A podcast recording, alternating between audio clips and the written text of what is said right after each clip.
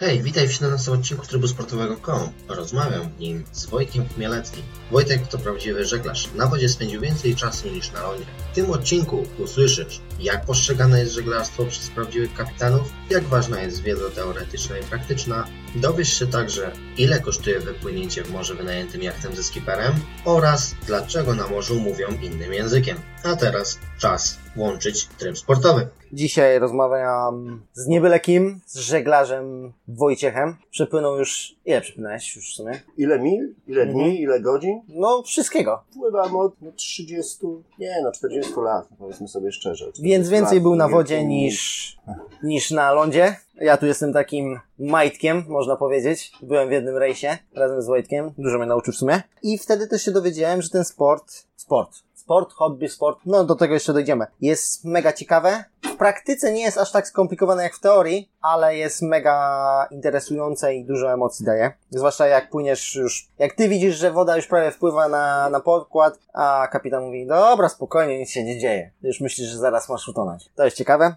Jak się śpi na, na wodzie, to też jest dosyć interesujące. Okej, Wojtek, może przedstaw się, opowiedz o tym, ile już jesteś na wodzie, tak jak powiedziałeś, 40 lat. Kiedy to się zaczęło? Wojtek Chmielecki. Zaczęło się na początku lat 70., bardzo dawno, w poprzedniej epoce. Miałem 7 lat, pojechałem na obóz żeglarski. No i z tego obozu żeglarskiego uciekłem, e, rozpłakałem się, rodzice przyjechali, zabrali mnie i stwierdziłem, że już nigdy więcej na morze nie wrócę. To była moja pierwsza przygoda. Naprawdę? 73. Czy teraz Naprawdę. sobie żarty robisz? Nie, nie robię sobie żartów. No tak, tak to się zaczęło. Zaczęło Okej. się gdzieś tam na jeziorze. A później znowu już w liceum i tak dalej. Później coraz bardziej, bardziej. Później jakieś takie epizodyczna praca na morzu też, na kutrach rybackich. To ci ciągnęło cały czas do wody gdzieś tam. Tak, no ale to pewnie wynika z tego, że mieszkam 200 metrów od plaży.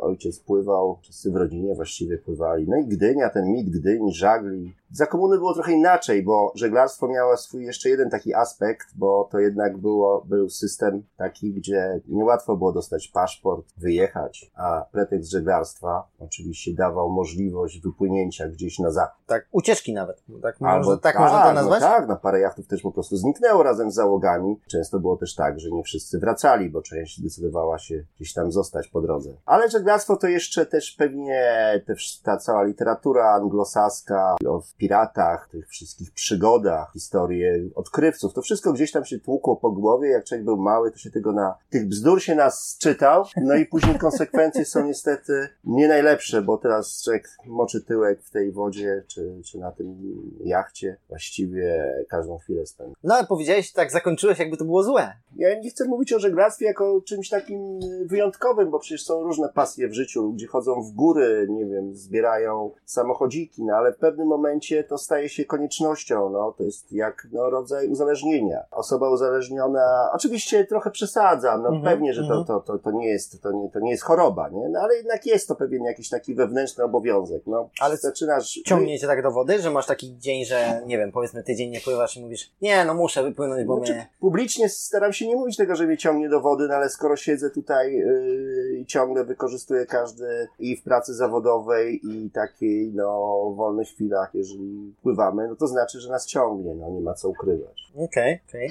Też udajemy twardzieli i mówimy, że nie, nic nas nie ciągnie i tak prawdę mówiąc, to wszystko jest takie tam tylko po prostu. Ciut udawane, ciut Tak. na naprawdę. Tak. Właśnie, gdybyście słyszeli jakiekolwiek dźwięki w nagraniu, to tylko dlatego, że jestem w Sopocie, e, w Marinie, na jachcie. Więc widzicie, no nagrywam w takich warunkach, jakich e, żeglarz by był. Oczywiście normalnie byłby na wodzie i tam by dopiero byśmy płynęli, ale wciąż ten jak stoi na wodzie. Więc to jest to. Zgaduję, że żeglarstwo jest dla wszystkich. Czy jest jakaś grupa, dla której żeglarstwo nie powinno być? Albo Nie, ktoś, kto nie powinien się brać za żeglarstwo? Żeglarstwo jest dla wszystkich i każdy, kto chce jakoś tam aktywnie żyć, czy trochę może poza kanapą, pilotem i to powinien spróbować tego żeglarstwa, chociaż oczywiście są różne inne formy. Jedyną barierą jest choroba morska. 2% populacji ludzkiej podobno jest nieuleczalnie chorych na chorobę morską. Znaczy udowodniłeś mi, że każdy jest chory na Każdy chorobę, jest- ale przechodzi po Tak. dwóch dniach. Tobie udowodniłem, ale nie wszyscy się z tym zgadzają. Są osoby, które po prostu wchodzą na łódkę, y, podejmują jakąś decyzję, że będą żeglarzami, ale już po, po pierwszym krótkim rejsie, kilkugodzinnym stwierdzają, że już nigdy więcej noga ich nie stanie na kołyszącym się pokładzie. Nie, no idzie się przyzwyczaić dosyć szybko. Można być twardzielem, wstrzymywać się bardzo długo i później po prostu puścić ptaka. Może odwrotna sytuacja. Ty jest się już na wodzie, któryś tam dzień, wchodzi na stały ląd i nagle się buja człowiek, bo standardowo mózg chce się dalej bujać tak jak na wodzie. Tak, to To znaczy, jest- że twój organizm się przyzwyczaił do morza i twój błędnik cały czas stara się, jeszcze pamięta to twoje bujanie, ale to jest dobry znak, jak się bujamy na, na lądzie. To było w ogóle ciekawe e, takie doznanie, że ja widziałem wzrokiem, że ja powinienem iść prosto, ale się bujałem przez tam pierwsze kilka kroków. Niespotykane, no bo z karuzeli jak się wychodzi, to przecież się takiego uczucia nie ma. Hmm. Może kręci się w głowie, ale to nie jest to, że całe ciało po prostu chce się Ale przechylać. jakbyś trzy dni siedział na karuzeli, to może byś się W sumie- kręcił. w sumie tak. się kręcił. Pamiętaj, że jechałeś, jechaliśmy z Sopotu na Bornholm. Tak, tak. Bornholm. No to tam kawał, tam parę mil zrobiliśmy. No, 200 tam, 300. Trochę było, fajnie było. A jak się nauczyć żeglarstwa? Czy trzeba studiować książki, te teorie? Czy po prostu trzeba się wybrać tak jak ty na obóz? A może po prostu wsiadamy na łajbę i na łajbie już się tego nauczymy? Każdy chyba ma jakąś tam swoją metodę. No, większość Polaków podobno nie czyta instrukcji, tylko to urządzenie elektryczne Ma działać. Ma działać, naciska, naciska, aż coś mu albo mu urwie palec, albo, albo włączy ten mikser i wszystko jest okej. No i tak jest też żeglarstwem, że są osoby, które po prostu nie uczą się, tylko wsiada i no, jedzie. Tam jak się nudzi na tym morzu, jest ładna pogoda, to sobie coś przeczyta, sprawdzi jak to działa, te, te kompasy, te plotery, te jakieś mapy i tak dalej. Aha. Ale oczywiście, no jasne, no, no, no trzeba trochę poczytać, no trzeba się dowiedzieć o prawie morskim, o tym, żeby się nie pchać przed tankowiec, żeby wiedzieć, gdzie jest mielizna, nauczyć się manewrować jachtem, stawiać żagle. W ogóle tych znaków macie też dużo na wodzie, których zwykły człowiek nie widzi na co dzień, ale jak miałem tą książkę przez moment, Wademeką, żeglarza, to tego było mnóstwo po prostu i każdy znak ma swoje znaczenie i to jak on jest ułożony, czy on jest postawiony tak, czy siak. Jakby to wszystko definiuje, którędy No. na przykład trzeba opłynąć, czy można tam płynąć, czy nie można i tak dalej. Tak, tak, ale to, to nie jest, ja, ja nie demonizowałbym y, żeglarstwa i tej, tej nauki, bo pamiętaj, że masz czas. No teraz wyobraź sobie, że jedziesz samochodem i zaglądasz sobie w notatnik, co oznacza znak, nie? To byś, No nie, walnąłbyś nie, od razu no gdzieś tam albo kogoś rozjechał. Także oczywiście, jak nie pływasz sam, tylko trafisz do, trafiasz do jakiejś załogi, jesteś z fajnymi ludźmi, no to oni ci pokazują to, spójrz to, spójrz Mhm. tamto. Nie ma sensu zakuwania jakichś tam znaków, uczenia się ich na pamięć, Mhm. bo praktyka jest najlepsza. Po prostu im więcej pływasz na różnych jachtach z różnymi ludźmi, tym się z tym oswajasz. Bo pewnie, no może jak po tylu latach niektóre rzeczy mi się wydają proste, a dla innych bardzo skomplikowane, ale nie jest to żadna jakaś tajemna wiedza tam właściwa Mhm, tylko mhm. dla niezwykłych ludzi. Tym bardziej dzisiaj, kiedy mamy plotery, elektronikę, GPS-y. Pomyśl o tych, którzy pływali gdzieś tam z tekstantem, namierzali gwiazdy, szukali miejsca, rzucali liny z obciążnikiem, żeby sprawdzić głębokość. Dzisiaj po prostu wciskasz te guziki i ci wyświetla głębokość, prędkość wiatru, gdzie jesteś. Że to, to wszystko się uprościło. Z jednej strony uprościło, a z drugiej strony no jest, żyjemy w świecie gadżetów i tych gadżetów już jest tyle, że, że czasami też można się pogubić. No w sumie tak. Ploter? Ploter to było to, co wyciągało ci żagiel do góry, prawda? Dobrze Mm. pamiętam? Nie, nie pamiętam. Już się wydało, że już jestem szczurem lądowym. Żagle wciągamy fałami. Fały to są Nie, nie, chodziło mi o te urządzenie elektryczne, które samo nakręca żagiel i samo je wypuszcza do góry. Tak, no są windy elektryczne, ale my tutaj na tym jachcie, na którym jesteśmy, a jesteśmy na takim starym, zbudowanym w 68 roku, stalowym, małym żaglowcu, nazwie, nazywa się Alf. Wszystko jest ręczne, dosyć siermierzne, koje są jak na łodzi podwodnej, ale, no, ale wszystko jest. Jest kambus, są żagle, jest mały silnik, bo wiadomo, że na każdym morskim żaglowcu silnik jest bardzo ważny. No i co? Po prostu trzeba rzucić sumy i popłynąć. I wtedy się człowiek przekona, Właśnie. czy się nadaje, czy się nie nadaje do tego. Bo też jest to istotne w sumie, że na łodzi jest inny język. Wiem, że trochę wyolbrzymiam, ale wszystko tutaj ma swoją nazwę, nazwijmy to bardzo profesjonalną. Częściowo to są nazwy właściwe, a częściowo jest to taka grypsera żeglarska, którą często się popisują tacy żeglarze w różnych pubach, czy na forach. Ta grypsera ma świadczyć o tym, że no jestem człowiekiem z branży i, wiem się znam. i się znam. Nie ma tutaj na przykład słowa zawiąż linę. Tu jest e, zaknedować na przykład.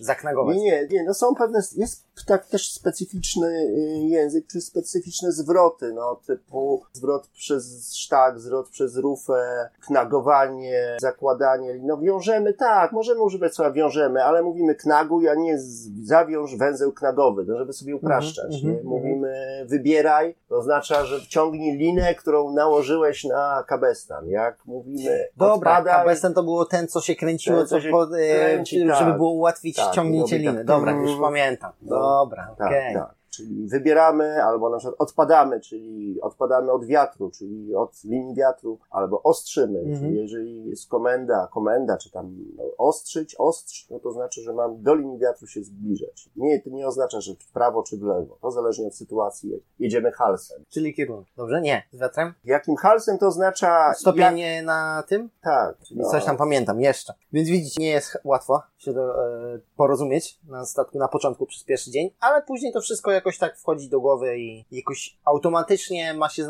ma się wrażenie, że przykładowo, tak jak powiedziałeś, jest szybciej powiedzieć zakneguj niż zawiąż i tak dalej. Mm. A poza tym wydaje się, że jak przejdzie się na inny statek, to że tam są te same używane zdania, bo są te podobne urządzenia, które pomagają albo, no nie wiem, choćby właśnie tą ósemkę zawiązać na tym, czyli zaknegować. Tak, też się trochę teraz zmienia, bo oczywiście na różnych jachtach jest, na żaglowcach jest trochę inaczej. Na wielu jachtach w takim jachtingu od portu do portu, głównie na Chorwacji czy w Grecji, gdzie no, żeglarstwo wygląda trochę inaczej niż to na Bałtyku, bo to są, to są Mhm. dwa różne światy. No to tam wszystko właśnie jest tak, jak mówisz, że coś się naciska, coś wciąga Jasne. samo żagle tam. Tylko czy jest w tym frajda? Pewnie tak, no. Pewnie jakaś frajda z tym, że specyfika tych y, słonecznych rejsów, no to jest taka, że od portu do portu po śniadaniu płyniemy, a wieczorem zacumujemy, czy rzucamy kotwicę w zatoczce, pijemy sobie jakieś tam rakije, czy coś. Tylko to, nie wiem, no ja jestem takim, tak jak mówię, szczurem lądowym, ale dla mnie to nie jest żeglarstwo, dla mnie to jest jakieś przemieszczanie się z punktu A do punktu B. Tak, jest to forma taka urlopowa, ale też jakaś aktywna, no oczywiście, bo czym innym było nawet nasza krótka wyprawa na Bornholm, przypomnij sobie.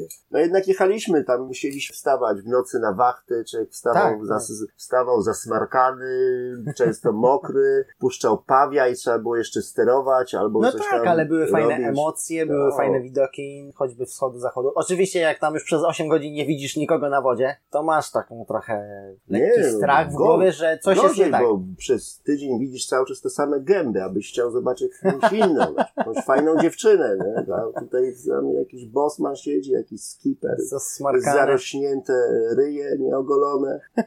Ale później człowiek na lądzie później tęskni za tym. Mówi, cholera, z tym ryjem to bym jeszcze raz popłynął, pewnie widzi, kto jest. No właśnie, no właśnie, właśnie wydaje mi się, że tego nie ma wtedy, kiedy naciskasz po prostu te przyciski, a kiedy musisz umyć naczynia, jak płynie jacht, jak nabrać wody w wiadro. Kiedy wszystko się kołysze, no to wtedy to, to są jakieś dodatkowe atrakcje na morzu. Właśnie, Tak, żeby zagotować wodę na przykład, jak wszystko ci lata w i nie zdjąć ten garnek, nie oparzyć się, nie, nie, nie polecieć gdzieś tym łbem do tego gara. No, Początkowe to są wyzwania, tak. Tak, no albo musisz trafić do Kingstonu, znaczy do kibelka, musisz dojść do niego, nie? Musisz trafić jeszcze.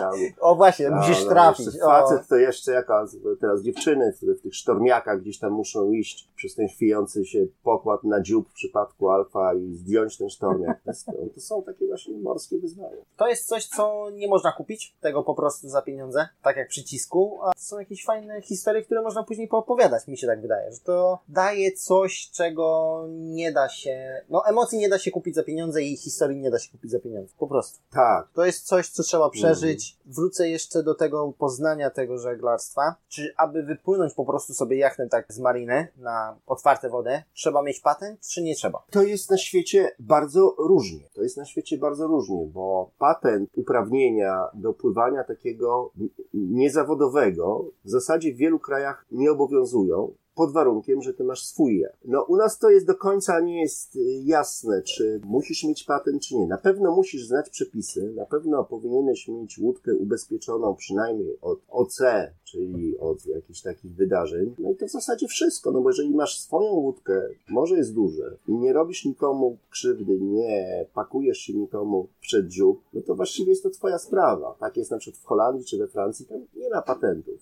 dlatego morze jest taką sferą wolności. U nas y, w zasadzie tak, chociaż to jest do końca nie jest jasne, ale nie spotkałem się w ciągu ostatnich kilkunastu lat, żeby ktokolwiek, komukolwiek sprawdzał patent. Okej. Jeżeli masz swoją łódkę, masz swój jacht, masz swój jacht, jesteś człowiekiem wolnym, zakładamy, że jesteś człowiekiem odpowiedzialnym, no i wypływa. No. Musimy to założyć, że jesteś odpowiedzialny. No ale jest. dla mnie patent się kojarzy z takim prawem jazdy. Tylko na po prostu wodzie. Jest jednak różnica, no bo w porównaniu, no oczywiście wiadomo, że nie wsiądziesz na tankowiec i nie popłyniesz, ale Mhm. Ale jeżeli to jest twoja, jak mówię, mała łódka, no to ty możesz sobie nią pływać. Bo, no co, no wsiadasz na rower i co, no, no, No i jedziesz, jedziesz. No jedziesz, Okej. Jeśli- no jedziesz. No jeżeli wpakujesz się tym rowerem, spowodujesz kraksę, no to odpowiadasz za nią. Tak jest z jachtem, tak jest z jachtem i tak powinno być. Czyli uważasz, że patent nie do końca jest potrzebny? Jest potrzebne, są potrzebne uprawnienia, dlatego że często młodzi ludzie zaczynają od żeglarstwa, płacą za jakieś rejsy, a później sami zostają skiperami i gdzieś tam znajdują pracę właśnie w różnych częściach świata i tam wymaga się od nich tego patentu, ale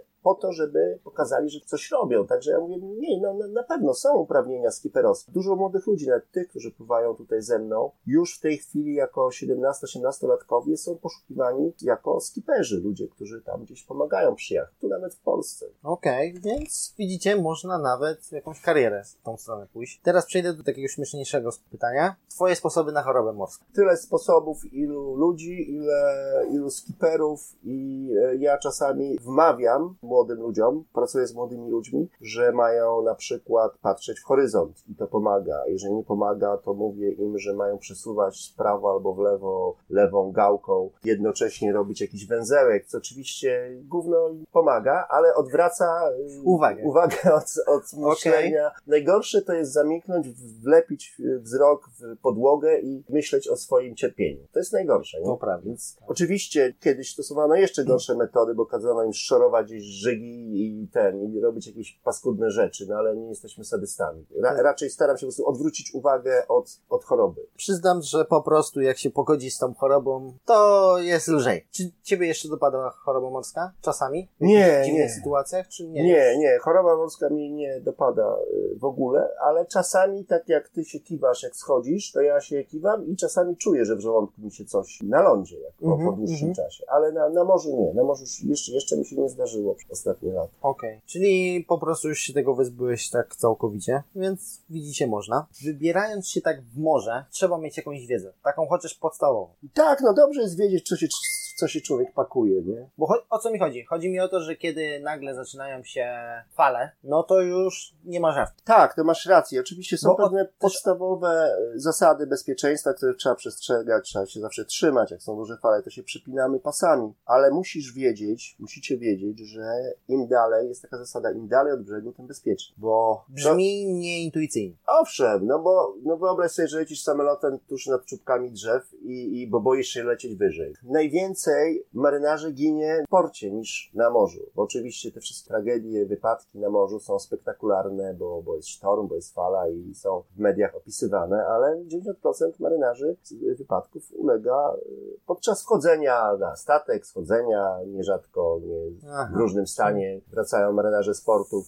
Ogólnie się gibają dalej. Giba- gibają się, tak, tak, żeby, żeby uspokoić organizm, od, przyzwyczaić do kiwania, to się gibają jeszcze jakiś czas w porcie. Czy...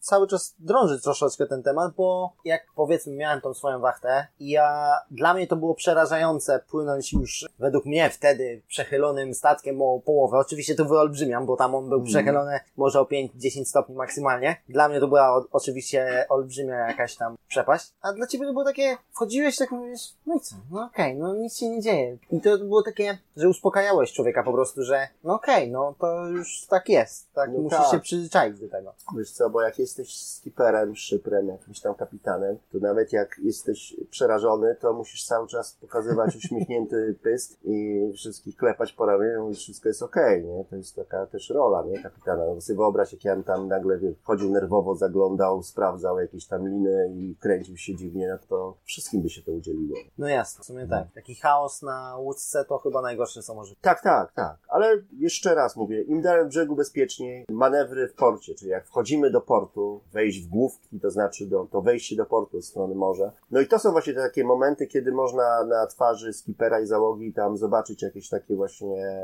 napięcie, no bo to zawsze są jakieś tam, przy manewrach zawsze są jakieś tam emocje, nie? To jest różne, są głębokości, ktoś ci nagle wychodzi z portu. Wiatr, e, szerokość nagle, tego wejścia ktoś i tak dalej. spycha. No ale po iluś dniach, jak właśnie docierasz na ten brzeg, no to ile radości. Najpodlejszy port wydaje się po prostu wspaniałą jakąś mekką wręcz. Tak, bo jesteś już na lądzie, w końcu. Tak, jesteś na lądzie. Już nie możesz utonąć. Powiedzmy. Nie, właśnie, tu możesz w porcie.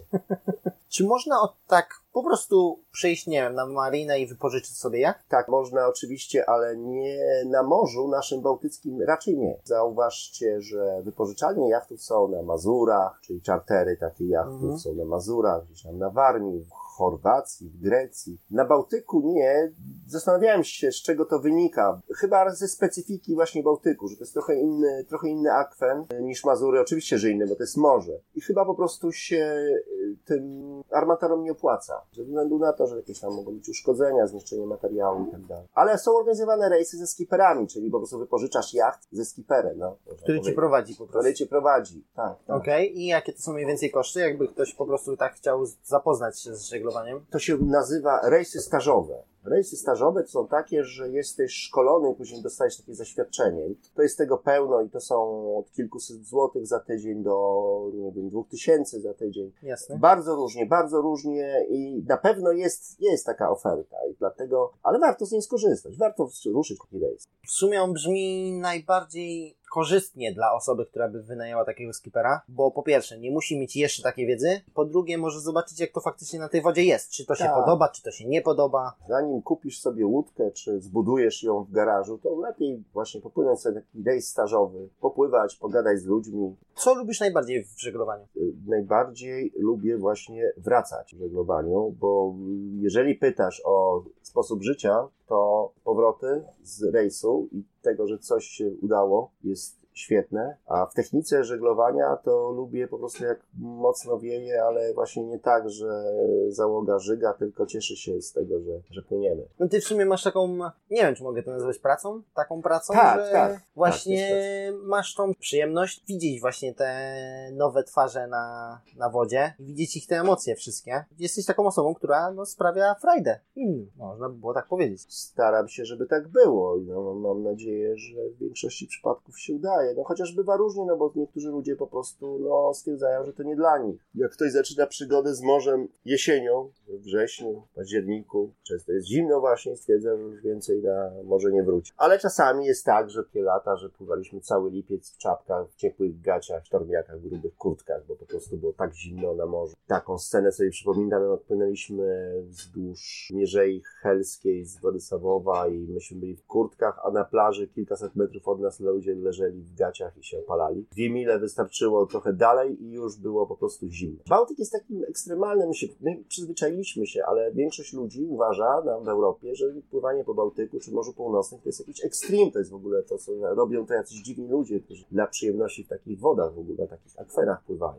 Do pływania to jest właśnie Chorwacja, Grecja, Seszele, Karaiby i jakieś takie malownicze zatoczki z palmami, a nie jakieś takie porty rybackie śmierdzące rybą i, i krótka, żygliwa fala. Okej. Właśnie, gdzie byłeś najdalej? Najdalej pływałem po Morzu Północnym, po Bałtyku i po Morzu Północnym. Nie, nie wybierałem się nigdy, nie, nie pływałem nigdy po jakichś egzotycznych akwenach, ale w tym roku pewnie ruszamy trochę dalej, bo przygotowujemy taki rejs z okazji 50-lecia naszego jachtu Alf, któremu właśnie stuknęła 50, no i trzeba to uczcić i jedziemy na południe. Im bardziej dalej na południe, tym lepiej. Dalej plan jest taki, żeby okrążyć e, Amerykę, tak? To, tak to było? Plan jest taki, żeby okrążyć Amerykę. W tym roku to się nie uda. W tym roku ruszymy w kierunku Wysp Zielonego Przylądka i stamtąd może spróbujemy przeskoczyć Atlantyk, ale to jeszcze się okaże, czy starczy nam czasu i pieniędzy i organizacyjnie, ale wierzę, że do, tych, do tego Capo Verde, czyli Wysp Zielonego Przylądka dojedziemy. Mogę tylko jedynie pozazdrościć w sumie. Chociaż z drugiej strony, no nie wiem, tyle dni na morzu, to nie tylko jest takie fizyczne wyczerpanie, to też jest takie psychiczne. No bo jednak jesteś, tak jak powiedziałeś, z tymi osobami cały czas w jednym miejscu, a chciałbyś zobaczyć inne. Tak, czy chciałbym zobaczyć inne? No tak, ale co nie znaczy, że nie chcę z tymi ludźmi pływać. Znaczy nie, no to jasne. Mnóstwo jacht pływa po akwenach. Też ci ludzie wybrali taki styl życia. To szczególnie widać wśród Niemców. Nie wiem, czy zauważyłeś, jak przypływają właśnie takie starsze pary, mąż, żona i oni, oni pływają, są na emeryturze, oni pływają. Młodzi ludzie też pływają. Ludzie w twoim wieku, czy w moim raczej mniej pływają, bo cały czas zasuwają po to właśnie, żeby spędzić dwa tygodnie gdzieś tam na Majorce, czy w Chorwacji na jacht. Już to, to jest trochę... To O, i inaczej. tego można tobie pozazdrościć, bo ty masz pracę, która dla innych mogłaby się wydawać wakacjami. To znaczy, jeżeli wakacje musisz cały czas się martwić, czy ci starczy paliwa, czy się żagle nie podrą, czy nie strzeli lina i komuś nie się palce nie wkręcą w kabestan. Tak, masz rację. Pewnie, że to ja nie mogę narzekać. Ja po prostu moją pracą jest pływanie na żaglach, ale to nie do końca są wakacje. To jednak jest e, też jakiś taki stres i ciągła taka, no, Znaczy odpowiedzialność po prostu Odpowiedzialność, za tak, tak. jasne. Okej, to czego nie lubisz w e, żeglowaniu w takim razie? w tym żeglowaniu, które ja uprawiam, trudno mi powiedzieć, czego nie lubię.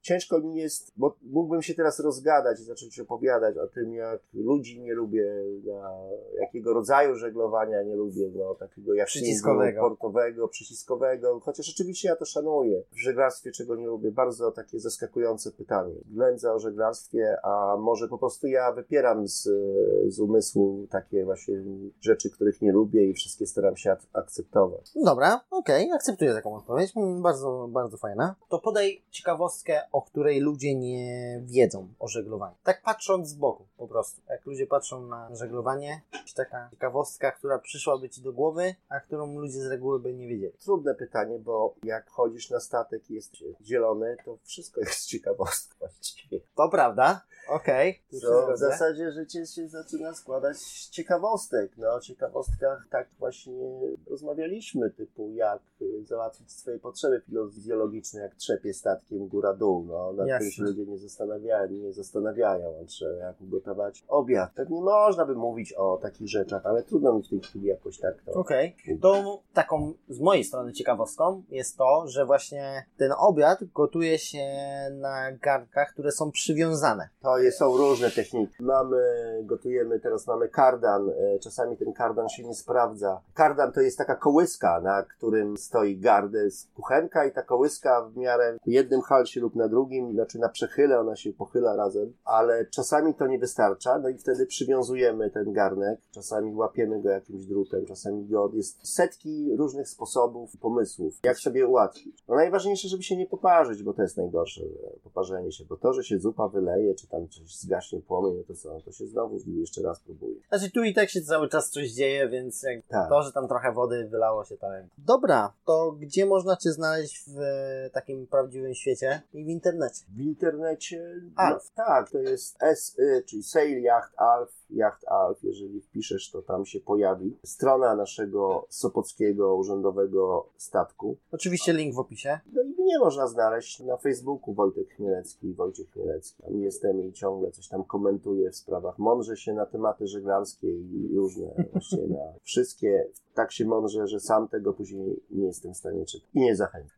No widzicie, miałem przyjemność rozmowy z prawdziwym żeglarzem, bo Ciebie, Wojtek, uważam za naprawdę prawdziwego żeglarza, no bo wszystko tu jest manualne. Tu na Alfie nic nie jest automatyczne, tu wszystko trzeba pracą swoich rąk lub jakimś pomysłem takim zrobić. Co mogę jeszcze powiedzieć? Na pewno trzymam kciuki za ten rejs, który macie w planach. Mm. Oby wyszło nawet i z Ameryką, jak się uda. No i na koniec mogę zakończyć takim fajnym akcentem, że jak jesteś drugi, trzeci dzień na wodzie i masz postawić, i teraz zobaczymy, czy Wojtek mnie zaraz zamorduje, czy jednak to nagranie się pojawi. Fok to był z tyłu, tak? Fok to jest z przodu. Z przodu. Tak. A ten na środku? Ten na środku to jest grot. Grot. Jak masz grota postawić z kolegą, który też mało pływa, to powiem wam, że to nie jest takie hop siup. I jak to już dokonasz, zrobisz, to jest takie fajne uczucie, że możesz się położyć na, na jachcie na moment i tak, no kurde, to dzięki mnie płyniemy na przykład. Chociaż po części. To jest fajne uczucie. Tak, to jest fajne. To jest fajne. Na Bałtyku też jest tak, że jeden taki wątek, że po prostu zmęczenie, czasami rzeczywiście, tak jak mówisz, zmęczenie daje satysfakcję jakiejś pracy, nie? wykonanej pracy.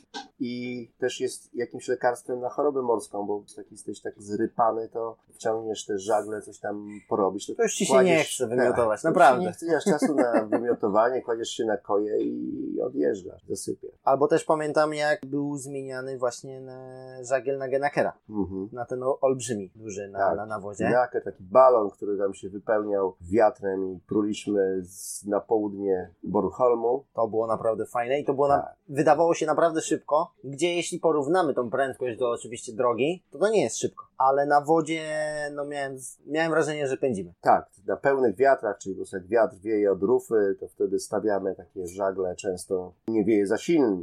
Genaker to jest taki delikatny żagiel. Duży, ale delikatny. Duży, ale delikatny na takie nie za silne wiatry od rufy, czyli pełne wiatry. Fordeville, Backstop. Jak się nazywał ten wiatr na wodzie, który miał być takim, którego można nawet widzieć, tak jakby po falach? Mówisz o szkwale? O szkwale, O tak. szkwałach. Tak, Tak. tak, To słynne białe szkwały i te szkwały się zdarzają. Oczywiście szkwał to jest taki nagły poryw wiatru, ale są też te szkwały, które są pianą wiatru i wody i nagle przestajesz nic nie widać, tylko widzisz tylko pył wodny i to jest ten taki white squall, czyli biały szkwał. Okej, Coś, to co- jeszcze miałbyś opisać alfa. Alf jako jednostkę Tak, żaglową. tak, tak. To jest taki stalowy, taka stalowa brona Bałtyku, taki stalowy jacht dwumasztowy, 80 metrów kwadratowych żagla, 8 koi, każdy ma swoją koję. Ma też silnik Mercedesa. No taki po prostu Długość, szerokość? 3,60. Szerokość ma 3,60. Jest to typowy jacht wyprawowy, to znaczy właśnie nie turystyczny, a wyprawowy. Tu jest mały, ciasny, niska burta, której nie każdy może się wyprostować, bo tutaj tak do 1,78 m, powyżej 1,78 m wzrostu już trzeba się schylać. I to jest jacht wyprawowy, ma niską burtę i jest bardzo bezpieczny, bo te jachty typu J80, właśnie takie stalowe, budowano w latach 60. zaczęto budować, a ostatni był zbudowany kilkanaście lat temu, podobny, podobnej konstrukcji. No i te jachty się sprawdziły, bo po prostu,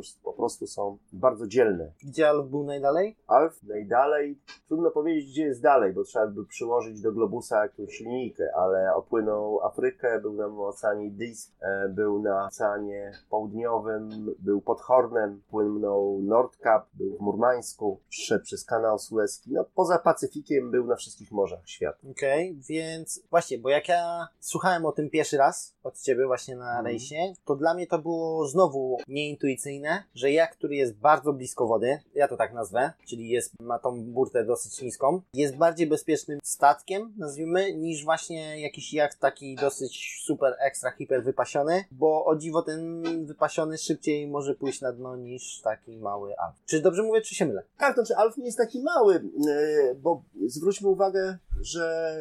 Albo inaczej, chwili- źle mówię, może niski. O, bo Tak, no jest nisko nad wodą. tak, o.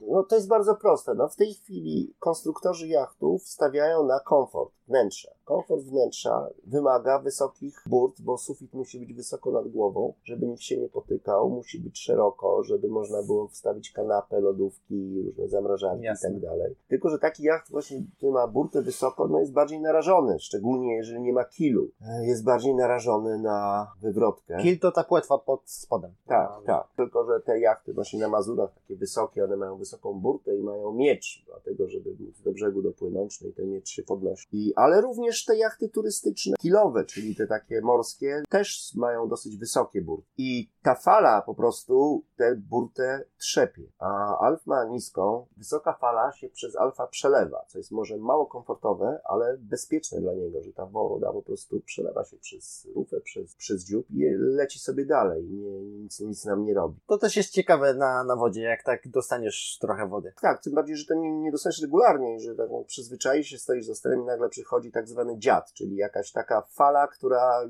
nie wiadomo skąd nakłada się jedna na drugą i Nie dziwię ci, się, że ma taką nazwę. i wali ci po prostu po pysku z jakąś tam lodowatą wodą. No albo właśnie też to, co nas na samym początku mówiłem, że właśnie jak płynęliśmy, nazwijmy to na boku, to że ta woda się wylewała i wylewała z właśnie alfa. No tak, to właśnie idziemy, jak idziemy przy chyle, tak falsując ostro najczęściej do wiatru, to tak, to ta woda po prostu przepływa i się taka jakby rzeka robi strumień. Dobrze jest mieć gumowce wtedy założone na nogi, ale nie zawsze wszyscy o tym pamiętają. Tak, tak, tak, tak. Wy nie widzicie, ale ten wzrok e, Wojtka mówi wszystko. No nic. Dzięki Wojtek za wywiad. Bardzo No. miło się gadało, powspominało. I fajnie, że są takie osoby jak ty, które promują żeglarstwo u młodych, nowych osób w tym świecie i dzięki tobie może zapewne na wodę właśnie wypłynęło kilka nowych osób w twojej Tak, karierze. no, miejmy nadzieję. No. Łatwiej jest takim osobom jak ja, jak są takie osoby jak ty i z takimi wariatami rozmawiają i też promują to żeglarstwo. No właśnie. No. I do tego zachęcam, żeby właśnie spróbować. Spróbować, przezwyciężyć oczywiście chorobę morską, bo tak po prostu jest, pierwszy etap, a później już jest fajnie. Dobra, dzięki i do usłyszenia. Pamiętajcie, aby włączyć tryb sportowy. Hej. Chciałbym jeszcze raz podziękować Wojtkowi za ciekawą rozmowę i życzyć udanej podróży. Fajnie było powspominać rejs, w którym miałem przyjemność popłynąć z Wojtkiem. Strasznie dużo się wtedy nauczyłem, a także zobaczyłem, że pływanie jachtem to nie jest coś magicznego i ekskluzywnego jak na przykład golf. Nie jest tylko dla wybranych z ogromnymi portfelami. Naprawdę polecam wynająć sobie skipera z jachtem i spróbować swoich sił. Być może dzięki tej przygodzie część z Was zacznie żeglować i zostanie drugim Wojtkiem. Tak jak zawsze, mam nadzieję, że odcinek się podobał i zasubskrybujesz mój kanał na platformie, na której słuchasz tego podcastu. Będzie mi miło, jeśli dodatkowo udostępnisz go dalej lub skomentujesz odcinek. Inne odcinki usłyszysz także na stronie trybsportowy.com. Do usłyszenia w następnym odcinku.